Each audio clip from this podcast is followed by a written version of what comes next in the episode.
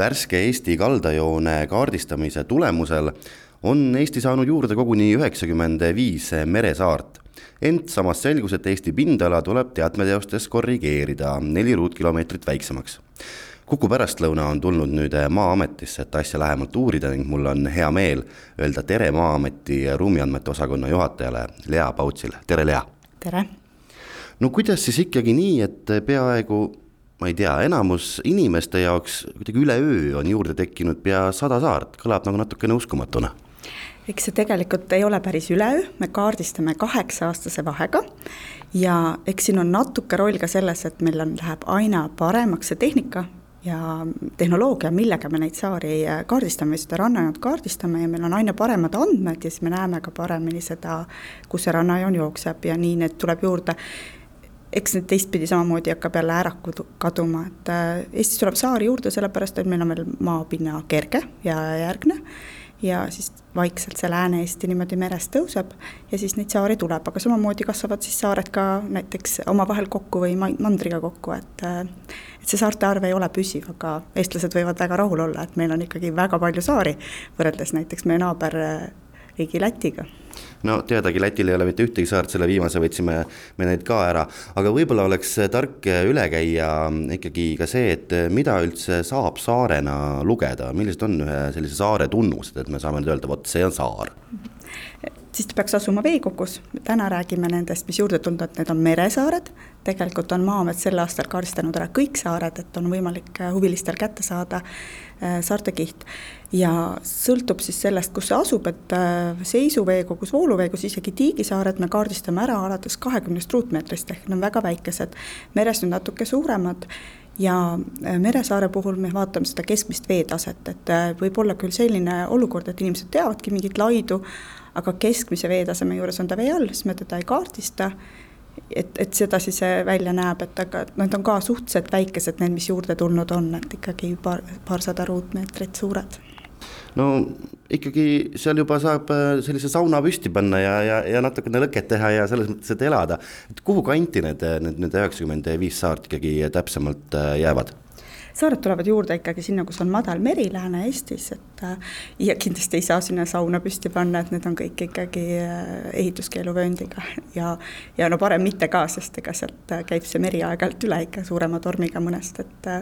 ehitada seal küll ei ole mõtet, aga inimesed käivad uisutamas ja kanuga sõitmas ja siis saab neid uudistada, kui nad ei ole looduskaitsealad, et sellega peab ennast enne kurssi viima ka no aga selleks, et nüüd teada võib-olla, millise saare peale minna, siis äh, üks saar vajab loomulikult nime omale. kuidas see nime panemise protsess äh, nüüd äh, käib, saavad need saared kõik ka omale mingisuguse mm, nimekirja kuskile? ei saa, et lihtsalt niisama neile nagu sellist talgute korras nimesid ei panda. kohanimesid paneb kohalik omavalitsus Eestis ja tegelikult need kohanimed tekivad inimeste enda igapäevases äh, käitumises ja suhtlemises, et kui meil on vaja kellelegi seletada, kus see asub, siis me anname sellele kohale nime, et nüüd needsamad uisutajad ja kanuutajad, et kui neil on vaja kirjeldada seda kohta, kus ma olen, või kust sealt hoidke vasakule, et siis nad annavad selle asjale nime ja selle järgi, kui püsivad nad on ja kuidas, kas nad on eriilmesed, eristatavad, et näiteks põõsalaid või et äh, linnusitamaa, et äh, seal on palju linde, et, et mille järgi siis need ära tunda no põhimõtteliselt ikkagi siis nii, et äh, ma võin võtta ühe saare ja hakata seda näiteks siis äh, Kareli saareks kutsuma ja kui see mingil kummalisel kombel peaks äh, minema ka käibele, siis põhimõtteliselt nimetatakse ära ja ongi nii? jah, nii see võibki minna üleskutse, et kes tahab omanimelist saart, siis äh, laske küla peal jutud lahti, et see on nüüd äh, tema saar. aga räägime ka natukene sellisest ähm, kaardistamise protsessist, et äh, mismoodi see täpselt käib, see on vist päris täppisteadus? jaa, kaardistamine käib nii, et Maa-ametil on oma väike lennuk, mille kõhu all on kaks auku ja seal augus on kaamera ja niisugune spetsiaalne suur-suur kaamera ja aerolaser skaneerimise masin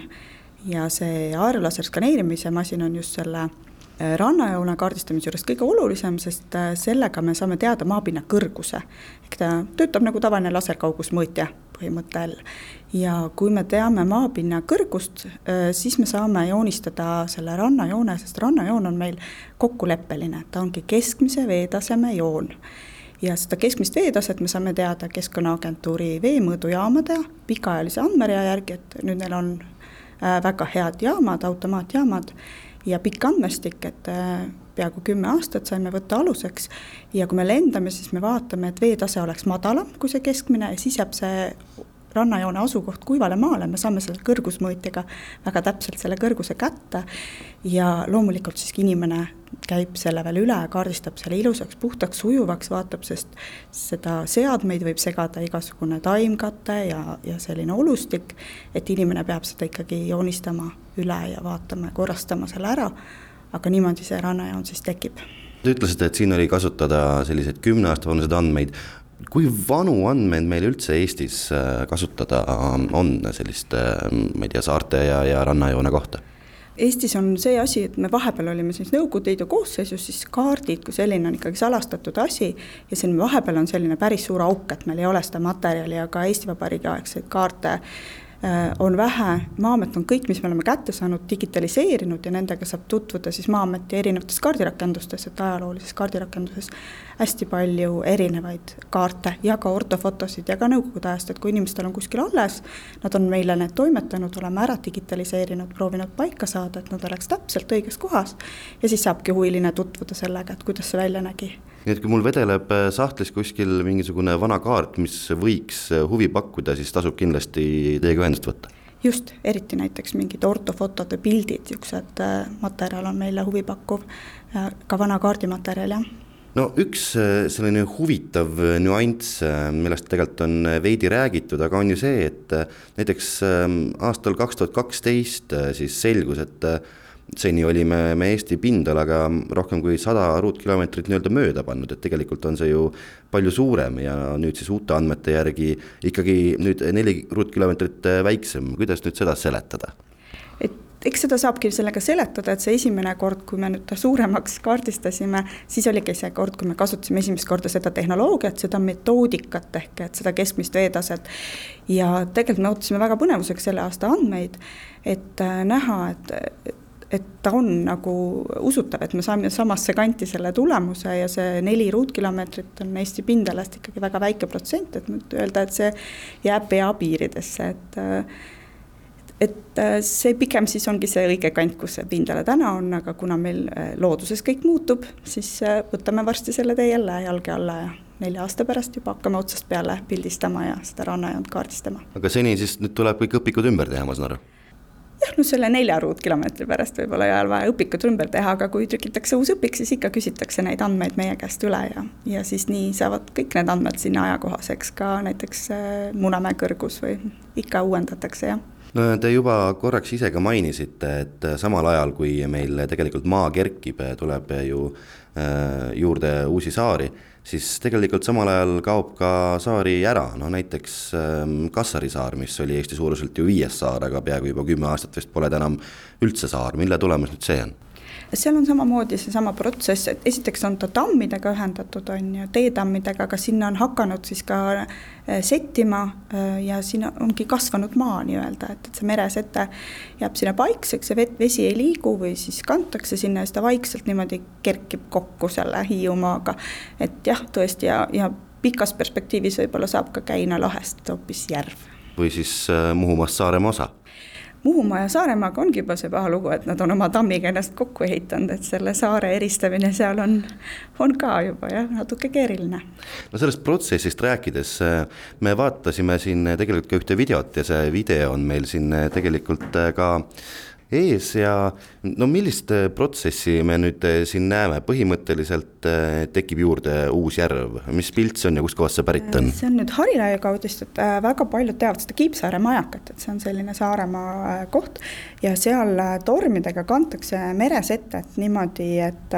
moodustavad pikad-pikad nagu sääred, aga see säär suundub nüüd maismaa poole, lõikab ühe sopi, lahesopi ära ja, ja kui ta on täiesti maismaaga kokku saanud, siis moodustubki nagu uus järv või jäänukjärv sinna äh, Saaremaa külge, ehk et äh, aga see on nüüd siis veel see koht, mis meil seekord veel rannajoone andmetesse sisse ei saanud ja Eesti pindalas sees ei ole, sest see kokkukasvamine toimus nüüd siin viimase paari aastaga, aga me alustasime kaks tuhat kakskümmend seda rannajoont, et kaks tuhat kakskümmend aasta seisuga on meil need pildid ja kõrgusandmed aluseks. et aga siit on näha, kuidas mõnikord tuleb ka maad juurde jaa, selle pildi pealt on tõesti isegi kummaline vaadata, kuidas äh, nagu oleks joonistatud äh, selline jupp otsa ja, aga jah, tore tõdeda, et, et ka lisaks saartele tekib meil ka uusi järvi juurde, mida siis ka võib-olla mõni spetsialist saab hakata vaikselt äh, nimetama. aga kui unikaalne selline olukord ikkagi on, et äh, ühes kohas kuidagi maapind tõuseb, teises jälle langeb, saared kaovad ära, on see niisugune tavaline olukord? Eesti mõttes küll, aga meie see eripära ongi see jääaja järgne maakerge ehk et seda jääaja mõju igal pool ei ole maailmas, et aga, aga sellist tormide mõjul, et kulutatakse ja kuhjatakse seda kaldajoont, seda nagu igal pool ja nüüd selle kliimamuudatuste valguses saabki öelda, et et väga suure tõenäosusega hinnatakse, et kaovadki ära niisugused ilusad liivarannad, et lihtsalt sagedamad tormid, veetaseme tõus, et ta viib minema selle liiva sealt, et, et sellist tegevust on nagu igal pool, aga sellist maakerget on siin võib-olla meil ja meie naabritel andmed on nüüd käes, need tuleb nüüd ka kaartidele kanda, et kuidas see protsess edasi välja nägema hakkab? Äh, need ongi kaardile kantud. juba on? jaa, et see, need andmed selguvadki kaardistamise käigus, ehk et kui meil saab äh, rannajoone kaardistamine läbi, siis me saame need numbrid kokku liita, et siis me saamegi öelda, et Eestil on selline pindala, nii palju on saari, et rannajoone kaardistamine on selleks korraks lõppenud ja kõik see millest me täna räägime, on Maa-ameti kaartidel juba näha ka. nii et minge otsige üles, vaadake, valige omale lemmiksaared äh, välja, lemmikuued saared, äh, lemmikuued järved võib-olla. maa-ameti ruumiandmete osakonna juhataja Lea Pauts, aitäh! aitäh!